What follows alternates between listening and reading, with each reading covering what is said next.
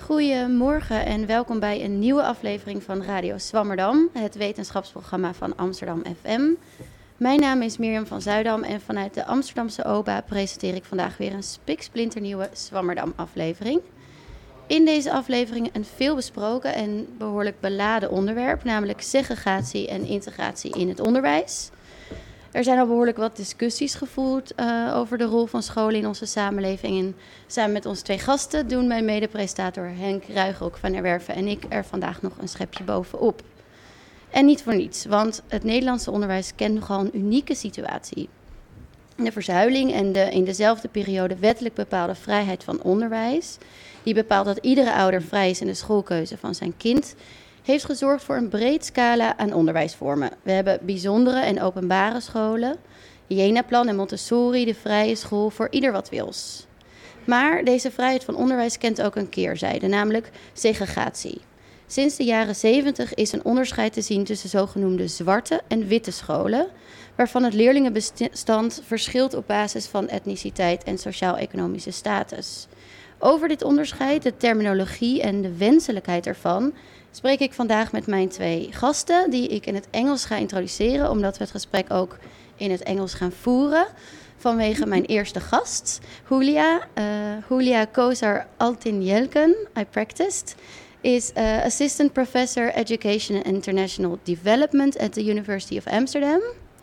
and she's quite good at Dutch, as I've noticed so far, but not good enough to participate in a scientific discussion. Is that right? Julia? Yeah, yeah, that's yeah? true. Yeah. Well, welcome. Thank you very much. Nice you're here. Uh, next to Julia is my second guest of today, Imane Oulali. She is PhD student at the Research Institute Child Development and Education, also at the University of Amsterdam. And like Julia, but with a different angle, she is studying the role of culture, ethnicity, and religion in Dutch schools. Imane, welcome. Before we start, I would like to ask you uh, what kind of school did you attend as a kid? Well, first of all, thank you for having me. Um, I actually went to a Montessori school. Okay. Um, when I was uh, younger. And um, yeah, the majority was um, yeah was from another ethnicity than myself. So it was a mixed school, or um, I wouldn't say mixed. I think it was a pretty homogenous school with, I think, a few ethnicities as an uh, example. And were you aware of that? What kind of school you were attending, or? I don't think that I was aware of that uh, at the time. No. No. Okay. On the other side, next to me sit, uh, sits, as I said before, my co-host Hank. Good Hank, morning. Good morning. Uh, were you aware of the kind of primary school you where you were walking around? I was in a very wide middle in a middle class neighborhood, white Protestant school, like Christian school, and I was not aware of that at all. We had two colored people in our whole school, I think, and they were from the family Adakwa, and that I know their names still says something, I think. Yeah. And he had a hmm. Ghanese father and a white mother. But only now, when you look, think back, no, you, when I you think realize. back, it's like yeah. that's very weird that we are the only white people in the whole school. Yeah. Okay. And also seated at this table is one of our regular columnists and uh, expert on higher education. Can I say that, Bas Belleman? Uh, yes, I, uh, you can. Yeah. Yes, okay. Um, I'm, Bas, I'm, a I'm, a journalist. You're a journalist yeah, and higher also. education. Yeah, exactly. And Bas, uh, you're writing a column about this subject today. Was it hard to write a column? Well, it, this time?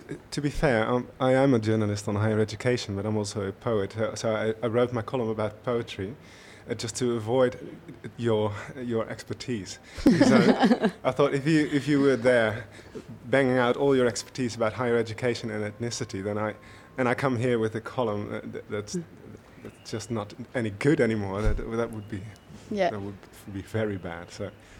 Now I wrote it in Dutch as well because my English is not there. That's all good. Let's let's uh, have one Dutch little break in our episode today. That's great. So let's start. Um, you now let's uh, let's start with Julia. You've shortly heard her already. Uh, at the University of Amsterdam, she's researching the implications of the terms black and white schools. In fact, she's not only researching this, but she's also pleading to get rid of these terms.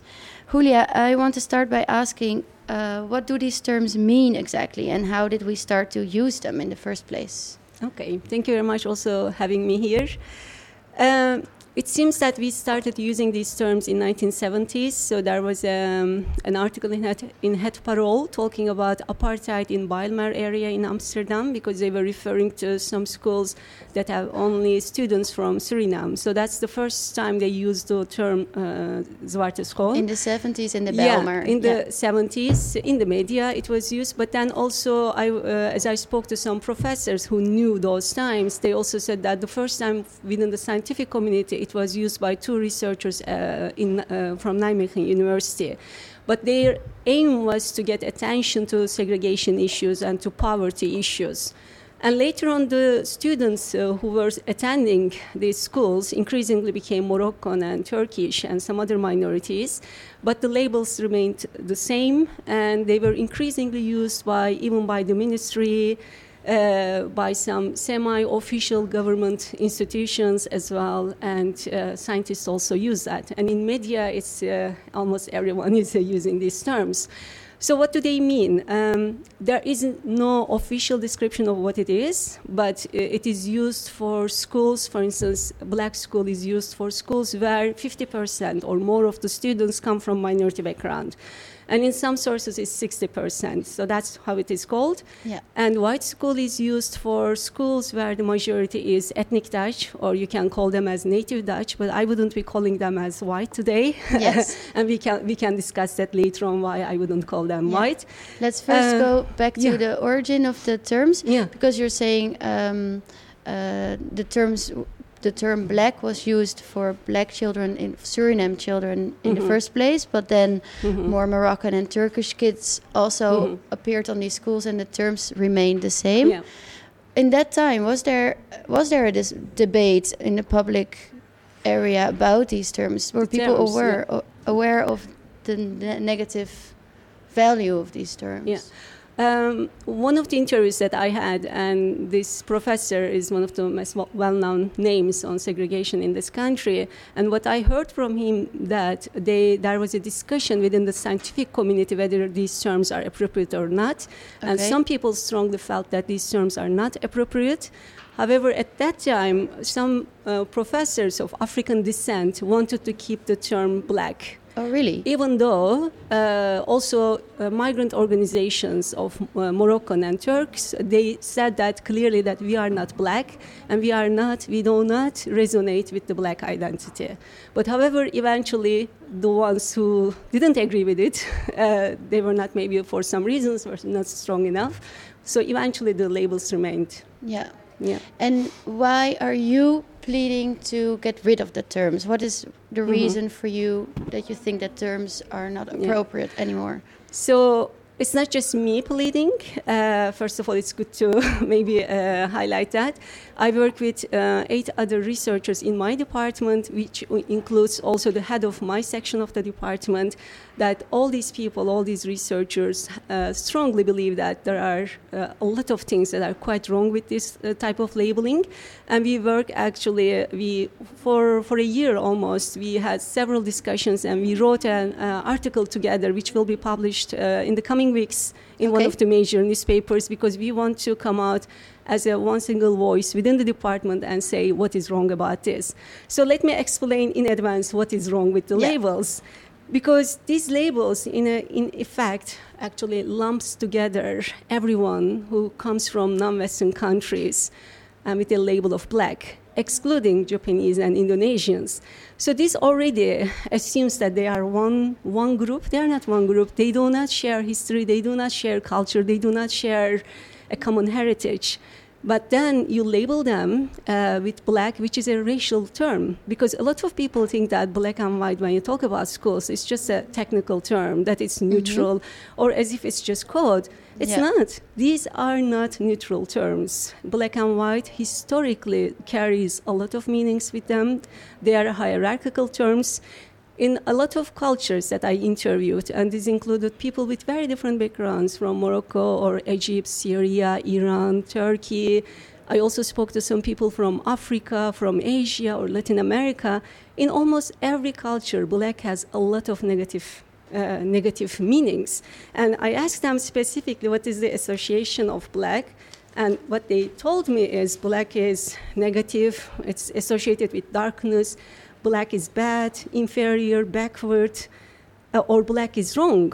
And also, particularly in African culture, black is associated with evil. It's associated with black magic or witchcraft. So it's even more ne- negative in African culture.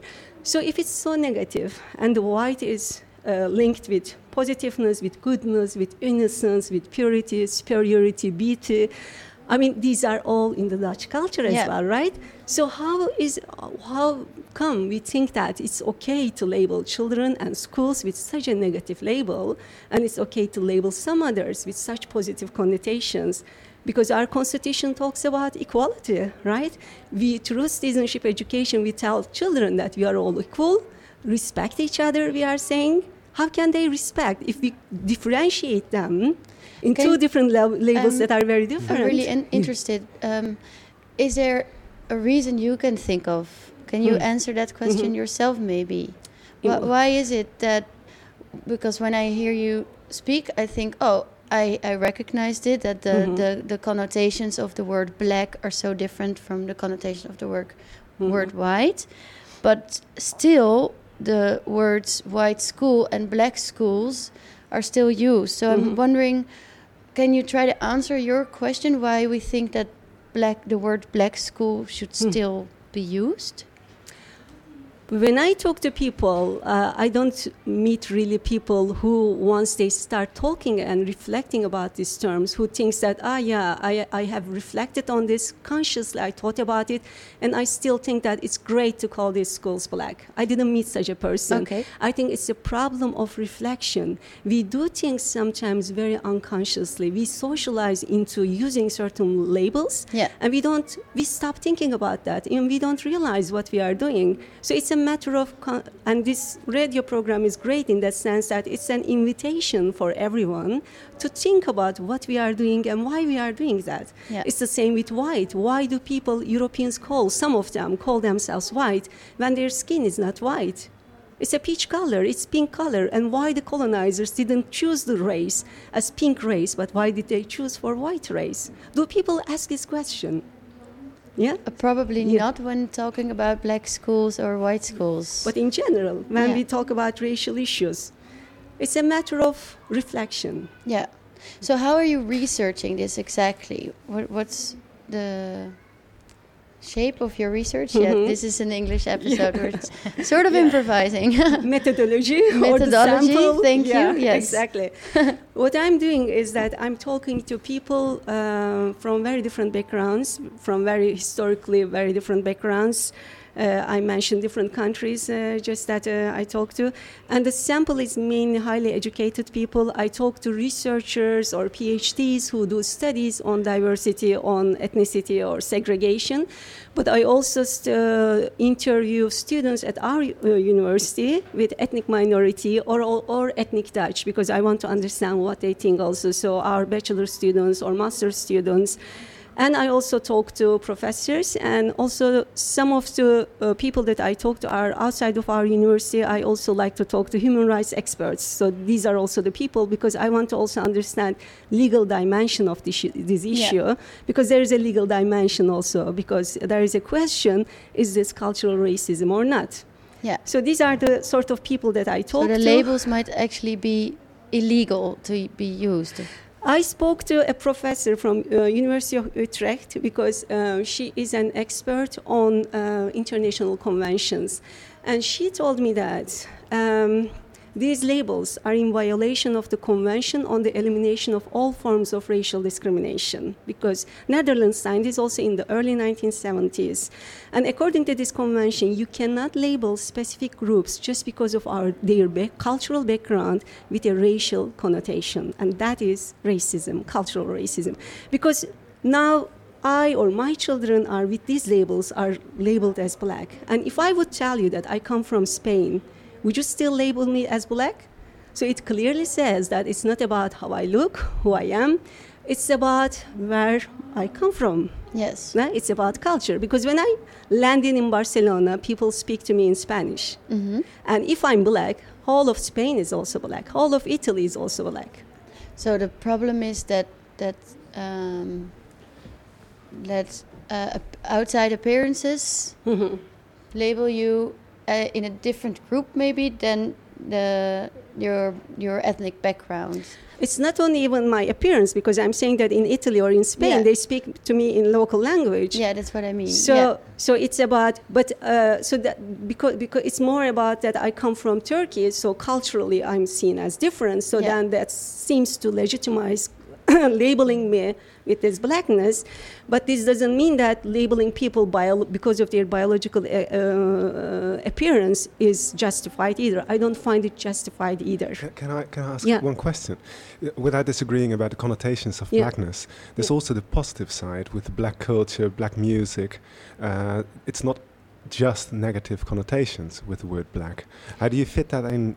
In, in the theory about black being bad, isn't that simplifying the Mhm. connotations? Isn't that also destroying a bit of the good of black? Yeah.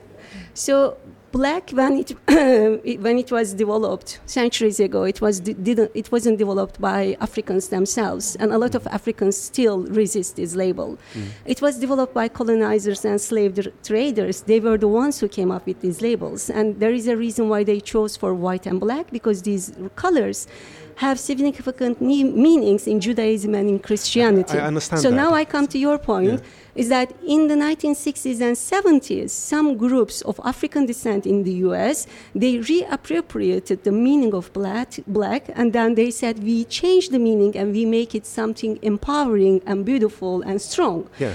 However, for that to happen, the group themselves need to acknowledge themselves as black and find it empowering. The problem in the use of, in the context of Netherlands is that they did not ask the Moroccans or the Turks, other minorities, whether you feel Dutch or not, or whether you feel black or not.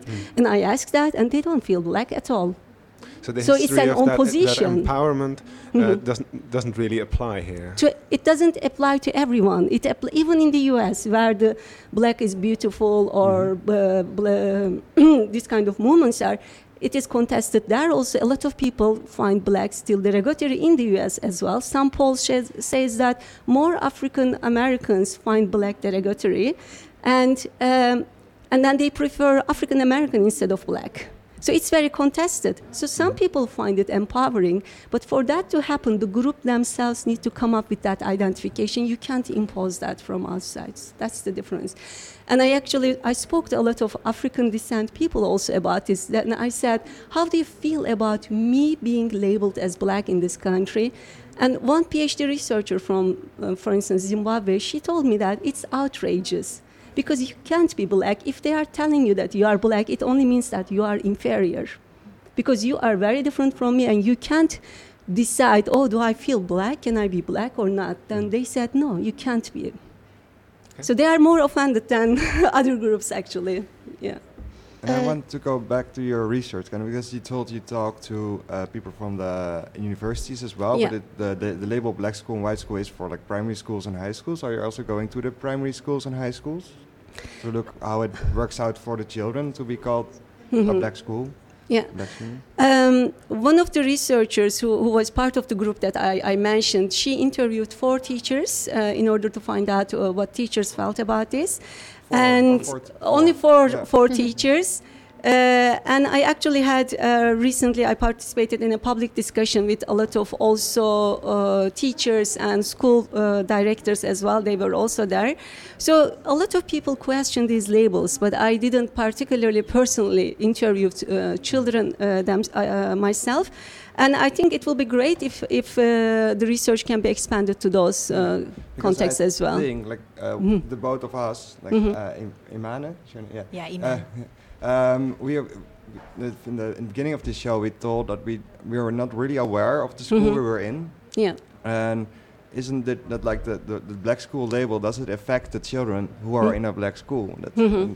I kind of wonder because maybe like the bigger problem could be like the more socio-economic problems and not Mhm. the label, which is also I think uh, important to research. But is it like the socioeconomic problems hmm more urgent right Okay. now before I, I would like to respond to that because um, the example that I uh, that I just gave was from my uh, childhood, and those were other times than than now. I mean, if you look at it, um, the um, the contemporary uh, the society as it is now uh, here in the Netherlands is that children are actually I because I visit a lot of schools in the Netherlands also for my research is that they are now aware of this label, and especially if you are going to so-called um, homogenous schools with a uh, majority of uh, a lot of uh, ethnic, uh, mixed or different ethnicities, they are aware of this partly or mainly by the media, uh, social media. So they they know that oh, I am now at a school that obviously is not okay, is not good. So that's not good. I mean, I don't think it's helping their self-esteem at all. Um, so I think that that that's um, uh, a big difference between my example that I, I gave uh, of my childhood than nowadays. Mhm. I think it's really it's different i- Is it then like the ethnicity, like the color, or is it more the social economic background that, uh, uh, like in the media, is most? I, from the media, I think that's very different between the schools. Like the black schools, Mhm. supposed to be like uh, socioeconomic less high than the white schools. Isn't that more of a problem than the color label? Kind of more. I think the color label. Yeah. Yes. Um, and I think exactly for the reasons that Julia just stated. Um, if I ask um, a Moroccan child, uh, um, a, a Moroccan Dutch child here uh, in Amsterdam, um, in a so called homogenous schools with other same ethnicities, um, the child would say, I'm not, I don't understand why they call us like that. I'm not black. So I don't understand why are we called like this. I mean, it's a good school. We're, you know, I have my friends. We're doing just fine. Uh, but it's not good um, that they are uh, called like that because, first of all, they're confused, and um, also um, by the negative connotation of being called a black school. Um, yeah, it's it's it's not doing any good for their self-esteem. If So- I may, can I add to Yes, that of course. question? Yeah. Go ahead. Uh, there is an overlap between mm, in the among the minority groups with this low socioeconomic background. So, uh, and when we talk about as if uh, these uh, so-called black schools are are, are um, schools where the educational outcomes and so on are low compared to others, we are forgetting schools in the northern part of this country, for instance, where they are they would be because of the ethnic composition called white, but they are not doing well. There are lots of ethnic Dutch students who do not perform well, who come from low socioeconomic background, and in whole de- within this whole debate, we are excluding them. They need also attention. Yeah, that's what I Yeah? kind of thought. No. like- Exactly. Yeah. And actually, if you look at the um, statistics, you would see that minorities, in terms of education, improved their uh, performance. But these groups of ethnic Dutch coming from low socioeconomic background, they didn't improve. So we need to differentiate these things. So the, the reason in these schools there are there is low achievement is not because certain ethnic uh, groups low have low IQ or something. It's about class. It's about socioeconomic background. So, um, to sum up this discussion, it Mhm. seems like both of you uh, are um, in favor of getting rid of the terms black and white schools. Yes, absolutely. Very much so, Because of yeah. the negative connotation, also Yes. because of the confusion. But um, uh, I've heard you use the t- terms homogeneous schools, majority schools. or maybe What- just segregated so and what do we propose? schools. Are we going to use different terms that are more clear and and and, or are we going just not going to use these Mhm. terms at all? Are we stopping the labeling completely? What do you Mhm. think? Um, should I start first, or do you want No, to you start can start first? first. Okay, Yeah. okay. Uh, number one, I think these sh- schools shouldn't exist. I think we need to tackle segregation, and I think we will come back to that. Yes. Until we tackle segregation, I would say we don't need to label them. If we are talking about specific issues, we need to specify whatever it is that we are talking about. And if we are discussing segregation, then we can talk about schools with high segregation or schools with low segregation. Or I'm completely fine with what Iman is saying homogeneous schools or heterogeneous schools or mixed schools or multicultural schools, diverse schools. There are lots of alternatives that are there, and we don't have to pick one. Yes. But Exactly. let's just drop this racist connotation. Let's drop I totally agree with Julia. At least for the rest of the episode of this show, we're gonna try to not use them to make a good example. And I want Yeah, Henk, to go ask ahead. a uh, question to Julia. I, I think it's very you're a scientific researcher, but you talk like an activist, kind of. and I think it's very interesting. It could Yeah. be. I, uh, but how do you uh, do you see yourself as an activist as well? Uh, that's a, i- interesting. That's a question that I keep getting. So I, I speak with passion. Also, if you see me in the class speaking, you will see that I'm a very passionate speaker, and that does not make me, I think, an activist. And it depends on your definition of activism. Because if you define activism as the person who wants to bring positive change in the society, I'm an activist. You are also an activist because you are making this radio program. But if you define activist as a person who marches on the street, who uh, who organizes boycotts or campaigns. I don't do any of that. What I'm doing is part of my job. I have to speak to the public through different uh, different media. Uh, about the findings of it. I cannot collect data and then sit on it. That's not what I'm And that- supposed to do. that's true. Yeah. But Yeah. uh, did you have the idea before you started your research? Were you like really open? Like, okay, also the outcome of my research could be black schools is a very good label for. Uh. We should keep the label black schools and white schools Uh-huh. because it's. Like, how did you get into the research? Did you like? How did that I kind- get? That's kind of like the uh, Mhm. side. What I learned in, in university, that scientific Mhm. way of thinking, like that you have a question and that it Yeah. could be all answers. Yeah, that, of Yeah. course, absolutely. Now I'm studying actually mosques, uh, their influence on integration, and I don't know if they are contributing to integration or not. I don't know the answer. But when I was uh, when I started studying black and white school labels, uh, it was a different story because uh, from a philosophical, moral, or uh, legal framework, I could sense that there was a problem, and I wanted to understand if other people how other people felt about it, and I also spoke to lawyers, and it seems there is a real problem, and I didn't meet anyone who says that these labels are not toxic. I heard this literally. I was told that they are toxic. We need to stop. And somehow people didn't dare to speak up about this before. And that's what, I, because I expected that there will be more variety in the discussion, that some people might defend the labels. No, people are not defending. And when I published the Het Parool art, uh, interview, for instance, I received a lot of uh, comments from people saying, saying that we are very happy that you had the courage to speak up about this, that people are just afraid to talk about anything that is linked to race. There is a fear in the society to talk about that. Thank you. Yeah, Yeah. that's all I. Yeah.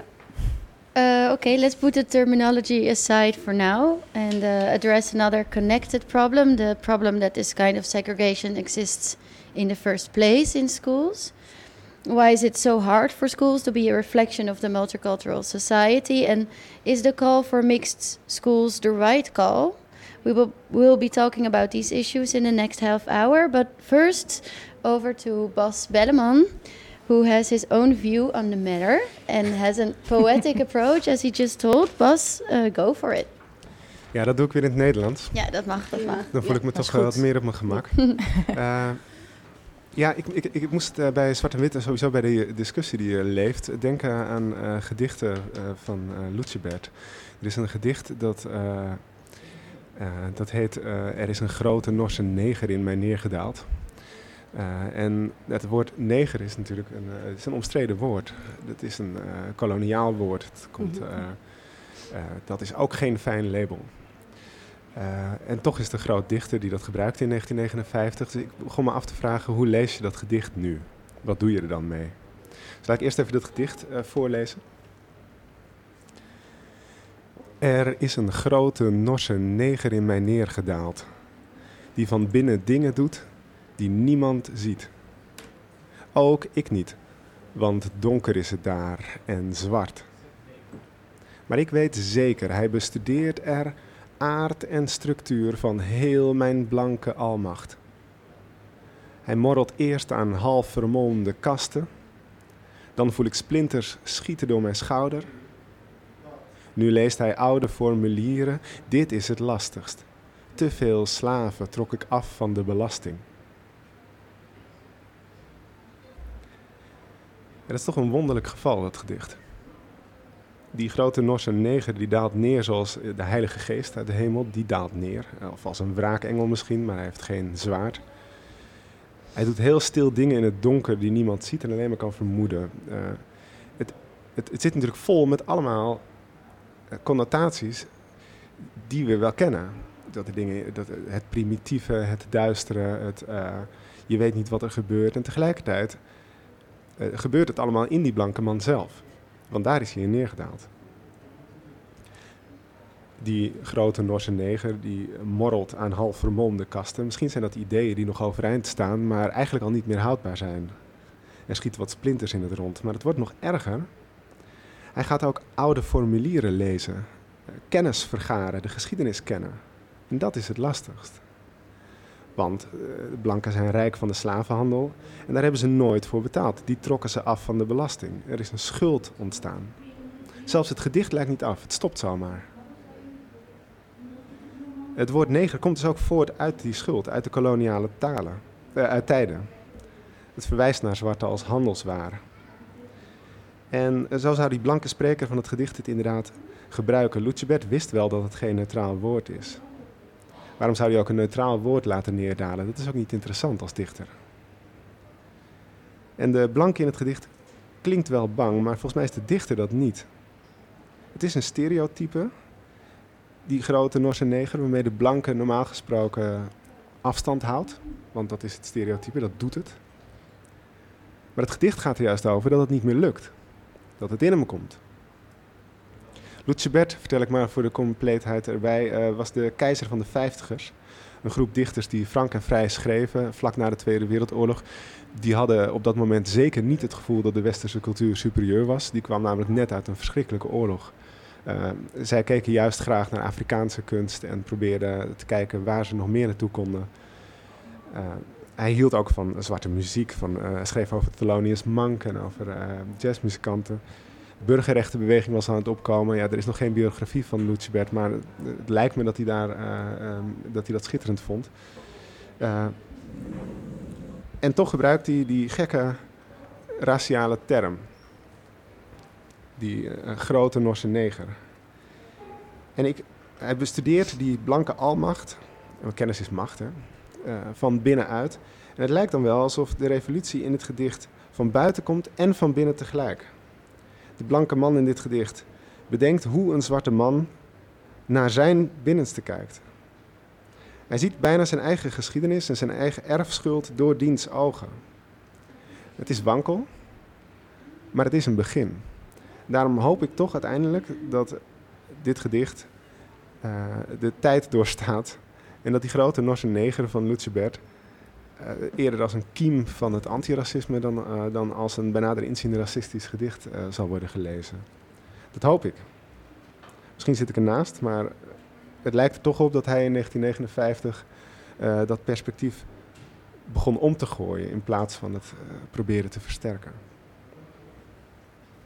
Dankjewel Bas. Prachtige gedachten dat we in elkaars hoofd dingen aan het wankelen kunnen brengen. Julia, would you like to respond to the the column of Bas, or, or do you want maybe to start Imana? first? Um, first? I, I feel like I spoke a lot. Yeah. Yeah, we'll go so over what to I Imana now, noticed, so- uh, Bas, is um, that um, even yeah that in in this beautiful poem that in your explanation that uh, you also notice that there are a lot of connotations about um, yeah black um, and actually those are again negative connotations about this black um, negro that is um, yeah is coming into the mind or head of this uh, white man. Um, so that's something that I um, noticed. Mhm. and uh, at the same time also when you were mentioning like music jazz music talking about black music so uh, it is i mean when i listen to it it's like you, you see it's really in our in our mind and how we explain things it's our, we internalize it and how we can talk to other people about it so it's really something hard to tackle but we're willing to tackle tackle Yeah. it Because it, it's also the, the speaker, the, the one that says I in this poem, Mhm. uh, is, is someone else than the poet, I think. Because the, the poet, is, I, I feel that the poet is less negative about blackness than the, the one that says I in the poem. Yeah, what I understood, maybe uh, he was. I mean, uh, I think that um, so the poet maybe was actually um, how do you say it? Um, Probably more sensitive. more sense exactly Mhm. in trying to describe uh, to in describing it, but how maybe other people would interpret it as um, oh um, this this this black guy. Uh, so it means maybe anger and uh, yeah other other Mhm. things in my head. So something is going to happen in uh, yeah in my mind now and. Mhm.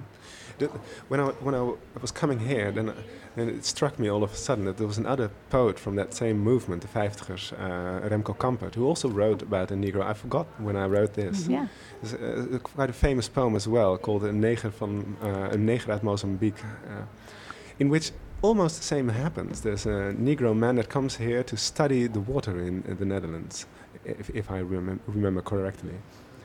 And they're all quite excited because there's there's this man from Mozambique and he's coming here and he'll fit well with the colored pillows, and which is also quite stereotypical about stereotypes in the, roughly the same time. And I find that quite fascinating that they were already uh, trying to get a grip on that Yeah. race issue when when it didn't even uh, it, it wasn't even that uh, prominent yet in the Netherlands Mhm. in the 1950s. I, I, I find that uh, interesting. If I'm, yeah, Oh, sorry. sorry. No, go Uh, ahead. I saw this poem, and uh, I uh, there's no biography of uh, Lucebert yet, but I went to the museum in uh, West Bergen, uh, Kranenburgh, and there was an exposition about Lucebert, and I saw this poem as well, and I had to think about it. Like, I had to, I had to read it a couple of times to kind of find out what he meant, but I thought he kind of saw like the very stereotypical Dutch guy that was not aware of some racial awareness or something, didn't really thought about it yet, and that he's like the first ideas of um, what would be wrong with like the stereotypes came in, like Yeah. like, this, like Sensing the change of the Yeah. times. Yes. that's what I kind of found in the poem when I Mhm. read it there. You feel the same kind Yeah, of? or- th- th- that's probably what happens because if it uh, neerdaalt, when it comes, when it sinks in, uh, th- th- that's the start, isn't it? Mhm. Okay, let's let's continue with uh, with talking about um, the research of Imana, because the next half, uh, half hour, well, I think we have 20 more minutes. Uh, we'll be talking with PhD student Imana Oulali, who researches the influence of religion and culture on well-being, school motivation, and pro-social behavior. But Imane, before we talk about the research you're doing, uh, at different kinds of Dutch religious schools, I also want to talk to you about an article in which you have participated. The article is called Doet onderwijssegregatie ertoe and is written by Michael Merry and Orhan Agirdag. And you, I'm sorry, I have to correct participated, you. It was Michael Merry Geerdriese and I. Oh, I'm sorry. I was I am- confused I'm- then. yeah. Thank you for correcting me. Because my question was you participated and translated the article, is that right? Exactly. Yeah, okay. And um, the article questions the prevailing view that mixed schools are what we want because they improve integration in the multicultural society. And it's a prevailing view indeed that I would like to illustrate with a following fragment of news here. I'm looking at the our technician right now. Uh, in the fragment, we will hear a father explain why it is that he wants his kids to go to a mixed school. Let's listen to it. Over wat is nou eigenlijk een goede school? Jonk is werkzaam bij de onderwijsinspectie als hoofdinspecteur basisonderwijs. Hij vindt gesegregeerde scholen onwenselijk. Nou ja, we wonen in een gemengde stad. En eh, eh, ik vind het heel gek om in een gemengde stad te wonen. En, en, en helemaal apart naar school te gaan. Eh, ja, dat vind ik gewoon raar. En ik gun iedereen eh, zo breed mogelijk ervaringen. En ik, ik geloof dat, dat onderwijs er ook een taak in heeft. Ik geloof niet dat je een samenleving kan hebben waarin je eh, goed met elkaar leeft als je ook niet met elkaar naar school gaat. Dat geloof ik uiteindelijk niet in. We gaan eerst beginnen met de namen. We gaan even goedemorgen zeggen tegen iedereen. Goedemorgen. Okay, so uh, we hear the father say I want my child to go to a school that is reflecting the neighborhood that he lives in or the city that he lives in. Um, do you agree with his father, Imana? Oh, I agree with his view that he says that I would like to have my child in a school that reflects my neighborhood. And ideally, I think that every parent would like to have his child in a school with um, uh, several ethnicities uh, that represent here uh, the Netherlands. Um, but realistically, we have to see what um, your neighborhood has to offer, and uh, for uh, yeah, for religious minority children, that means that they are um, actually stuck with um, going to schools that uh, uh, are n- not mixed. In, in a because certain that would be a reflection of their neighborhood. You're saying. Yes. Yes. So if I'm talking about ethnic minority children uh, in certain neighborhoods, um, um, for instance, uh, in Amsterdam, um, well, m- maybe those parents don't.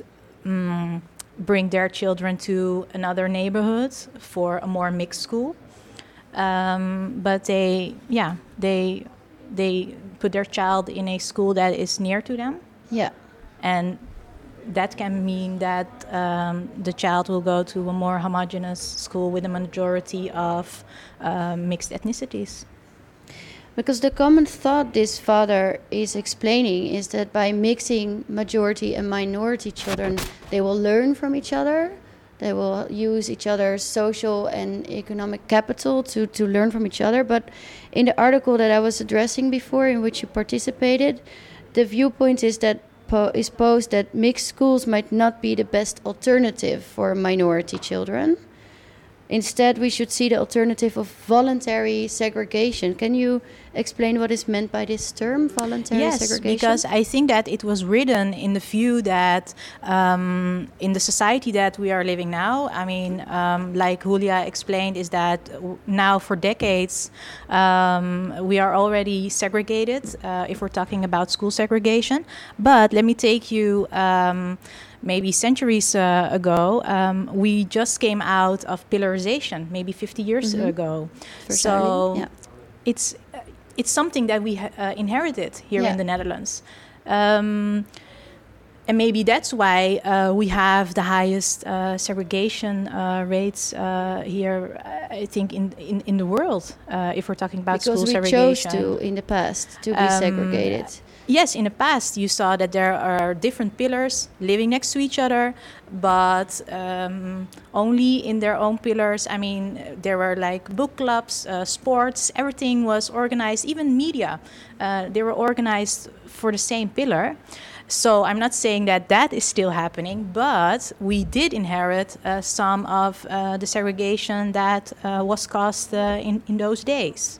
And um, so, um, what do you mean by this term, voluntary segregation? What what kind of Well, alternative is this? With that term, I mean that um, um, is that for children that um, c- cannot benefit from being part of the majority, um, and that in, in this case, then the majority means the ethnic Dutch um, ethnicity.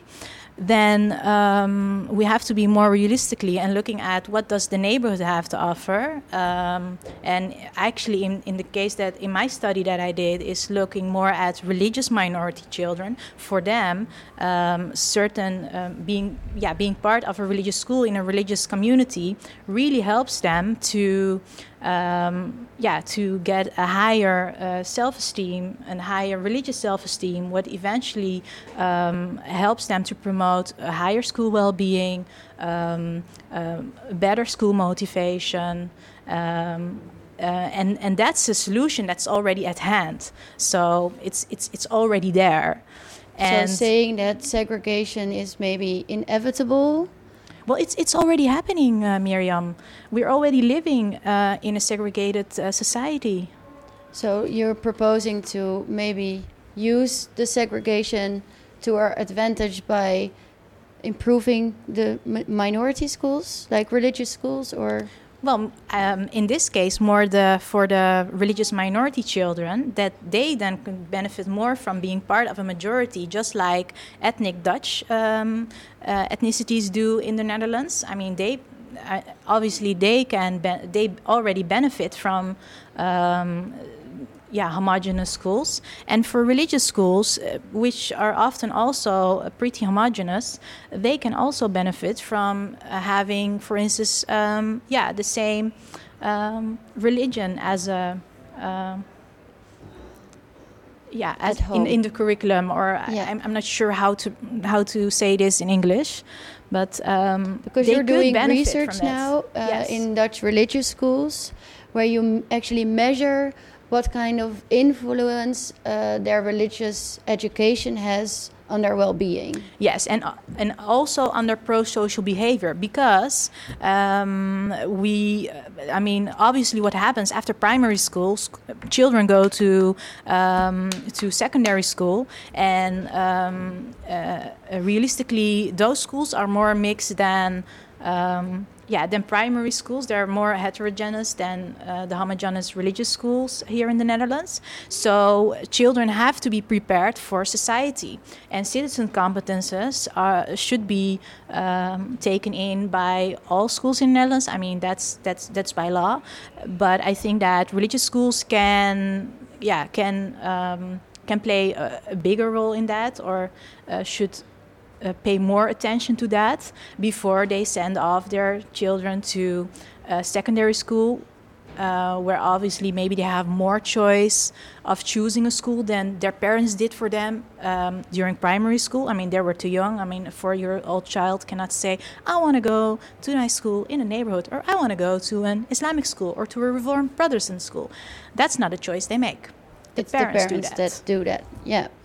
Uh, I can see Julia really wants to respond to this this viewpoints. Yeah. What do you want to say? Uh, I think this is where our uh, opinions differ, which is nice, uh, right? Of course. So first, I, I 100% agree with the father who spoke. And uh, Iman mentioned that we have segregation because of residential segregation, uh, but it's only partly true. There is a difference between residential and school segregation of 25%. That means that residential segregation only explains part of the story, that even in the same neighborhood, there are schools where only ethnic Dutch go, and there are schools maybe they share the same garden and there, are, there is another school where only ethnic minority go yeah so uh, that's number one number two the concept of voluntary segregation assuming that the segregation that we see is voluntary that people choose that i don't agree with that um, there are studies asking parents to what kind of school do you want to send your child. Sjoerd Karsten from my university, who was my uh, promoter also for my PhD, asked parents this years ago. There's another study from sociology department. They asked parents in Amsterdam, what kind of school do you want your child to send? They all, in majority, said that we want mixed schools. We want diversity, multiculturality within the school. And none of these parents wanted their children to go to a school where the minorities are in majority. Even minority parents didn't want their children to go to such schools. So then, se- separation is not voluntary. I don't think so. And segregation is not inevitable. It is happening here. It doesn't mean that it's happening because it is ine- inevitable. It is happening because there is no decision or no politi- uh, political Policy, uh, no policy yes. from the level of municipality and from the state. Do we have a state policy on desegregation? We don't have it. There is political lack of political will, will at the, um, in the Hague. They say that segregation is not a problem, and I fully disagree with that. And since they don't act on it, that's why we have segregation. Okay, and, and segregation may also be because of the the freedom of parental choice. Is that the Mhm. correct Yeah, parental English choice. Yeah. term Yes. for it? The vrijheid van onderwijs. So parents Exactly. can choose where their their children go to school. Mhm. Iman, can you respond on what Julia said? Is uh, on her response to the voluntary segregation and Yeah, well, um, at the last point that she made is that there is indeed not not such a policy in The Hague for desegregation, and I think because um, you had the finger at the right spot, because I think that they feel that well, segregation is not a problem in their eyes. So, um, and just to go back to the father that we heard in the um, in, in I mean, calling segregation inhumane. Um, well, uh, let, let me just say that um, I visited over 40 schools in the Netherlands the last few years, and I did not see any inhumane schools. I saw happy children in their own environment, just like. Um, um, uh, just like mixed schools that I also visited, and just like uh, homogenous ethnic uh, Dutch uh, schools, um, as long as there is no better alternative for these religious minority children, this is essential this is the way where they can prosper. This is the way where they feel at home. Um, that's the way where they feel together. They belong together, and that is something they have in common. And especially nowadays, uh, how we talk about certain groups in society, um, children are aware. I mean, if we're talking about uh, fifth and sixth graders. Um, children between 10 and 12 years old, I mean, they get this from from the news that um, they're not talking very well about their group. So parents make the ch- make obviously parents make these choices for them to put them maybe uh, in a religious school. Um, um, hopefully for their child to benefit from being part of the majority.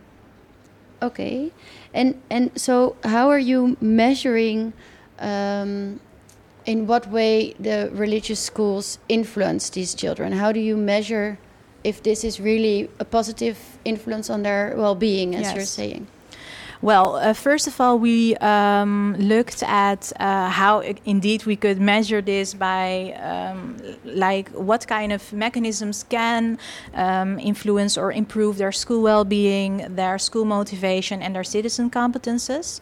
Um, we had to develop our own instrument. Uh, that's the religious collective self-esteem scale, uh, and that scale can measure um, how a child uh, feels about belonging to a certain religious group group, I mean his or her own religious group. And um, then you can get uh, an amount of, um, yeah, religious self esteem.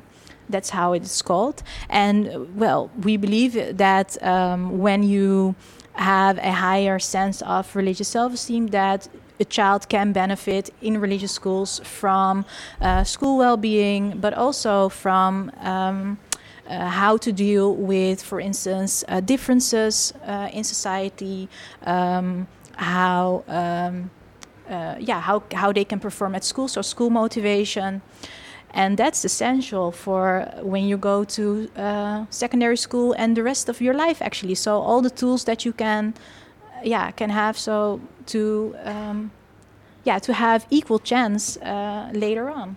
So if I can sum this up, you're proposing a different solution to segregation. So instead of focusing only on mixed mixed schools and making sure we have more mixed schools, there's also the alternative of re-evaluating the more homogeneous minority schools like religious schools. Yes, and even uh, when you can see, um, like for instance, RTL News did. Uh, I mean, I think they do it now for two years in a row. They uh, measure uh, CITO scores of every school here in the Netherlands, and what you can see is they clustered like all the schools um, with each other. You see that the Hindu schools and the Islamic schools and the Reformed Protestant schools, uh, they are doing excellent they're doing very well. So I did not measure, by the way, I must say that, not measure the CITO scores. I'm just saying that RTL did it. I only focus on the social, um, yeah, the social sides of uh, these children. So how they, how we can enhance their self-esteem or how their self-esteem is developed, uh, how religious self-esteem comes into play, and how this may affect their school well-being and their school motivation, and eventually their citizen competences. Okay. And thinking about this, um, um, because the, the article that we talked about before, uh, Doet onderwijssegregatie mm -hmm. also states we should improve existing black schools, um, let's not use the term minority schools, by mm -hmm. hiring a more diverse set of teachers. So the article is saying that these by hiring more diverse set of teachers, then the teachers might understand the perceptions of the minority child better. Um, so not the composition of the children in a black school is the problem, but the composition of the teachers. And uh, Orhan Agirdag, who also wrote an other article about it, calls the current set of teachers at black schools 50 shades of white. with give, gives children the wrong impression. So my question is, um, at these religious schools, how important is it that the teachers are also a diverse set to to make sure that the children get to know different kinds of religions, different kind of uh, cultural backgrounds? How important are the teachers in the story? I think that the teachers are also very important. The schools that I visited uh, in the Netherlands um, were um, surprisingly, I, I mean, uh, of course, when you visit a school, you have like uh, an idea in your mind of how it's going to be like. So for the, uh, let's say for the Hindu schools, I thought, oh, maybe they're going to work more Hindu teachers and uh, like, yeah, so that it would be more uh, coherent with each other. But I was surprised that that's not the case because uh, I think that the problem that, or it's not a problem, by the way, in my view, but I think that what they're facing is that you cannot uh, put um, all teachers from the same religion in, in, in the schools uh, simply because they're not there. So um, I saw things, I, I saw situations that just worked. So uh, the teachers were not always um, um, like from the same ethnicity um, or from the same religion. Um, but I, I do, I must say, I think it was the case for the Reformed Protestant schools. Mm-hmm. I think Okay. that was, I think, uh, an exception in this case. Mhm. But I did not see that, for instance, at the Hindu schools or the Islamic schools. I saw Dutch teachers, uh, Surinamese teachers, uh, uh, So Turkish teachers. I mean, it the was diverse pretty, set yes. of teachers is already in place. then. Yes. Oké. Thank you. Ja, I- ik hoor alweer de eindtune lopen, dus dat betekent helaas dat we moeten gaan afronden. Dit was de tweede aflevering van dit jaar, waarin we de Nederlandse traditie van witte en zwarte scholen onderzochten. Heel hartelijk bedank ik mijn gasten, Julia en Imane, vanwege hun eh, verfrissende inzichten. Gelukkig zijn jullie het eens geworden, ook over de termen. En wil ik onze vaste columnist Bas Belleman bedanken voor een intrigerende column. En natuurlijk mijn charmante collega Henk Ruigel van der Werven. Ehm, en de technicus van deze week, Elmer Rikhoff, bedankt.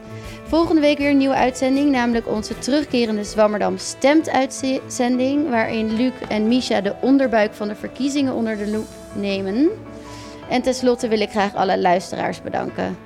Eh, we hebben jullie redelijk uitgedaagd vandaag door in het Engels te discussiëren. Mocht u niet zijn af- afgehaakt en nieuwsgierig zijn geworden naar onze andere dossiers en afleveringen, abonneer u dan op onze podcasts. Subscriben kan via de iTunes Store, Soundcloud of waar dan ook je je podcast luistert. En dan hoef je nooit meer een uitzending te missen. Eh, maar het leukste blijft natuurlijk als je live langskomt eh in de studio op zondagochtend. Mijn naam was Mirjam van Zuidam. Dit was Radio Zwammerdam. En ik wens u nog een hele fijne zondag.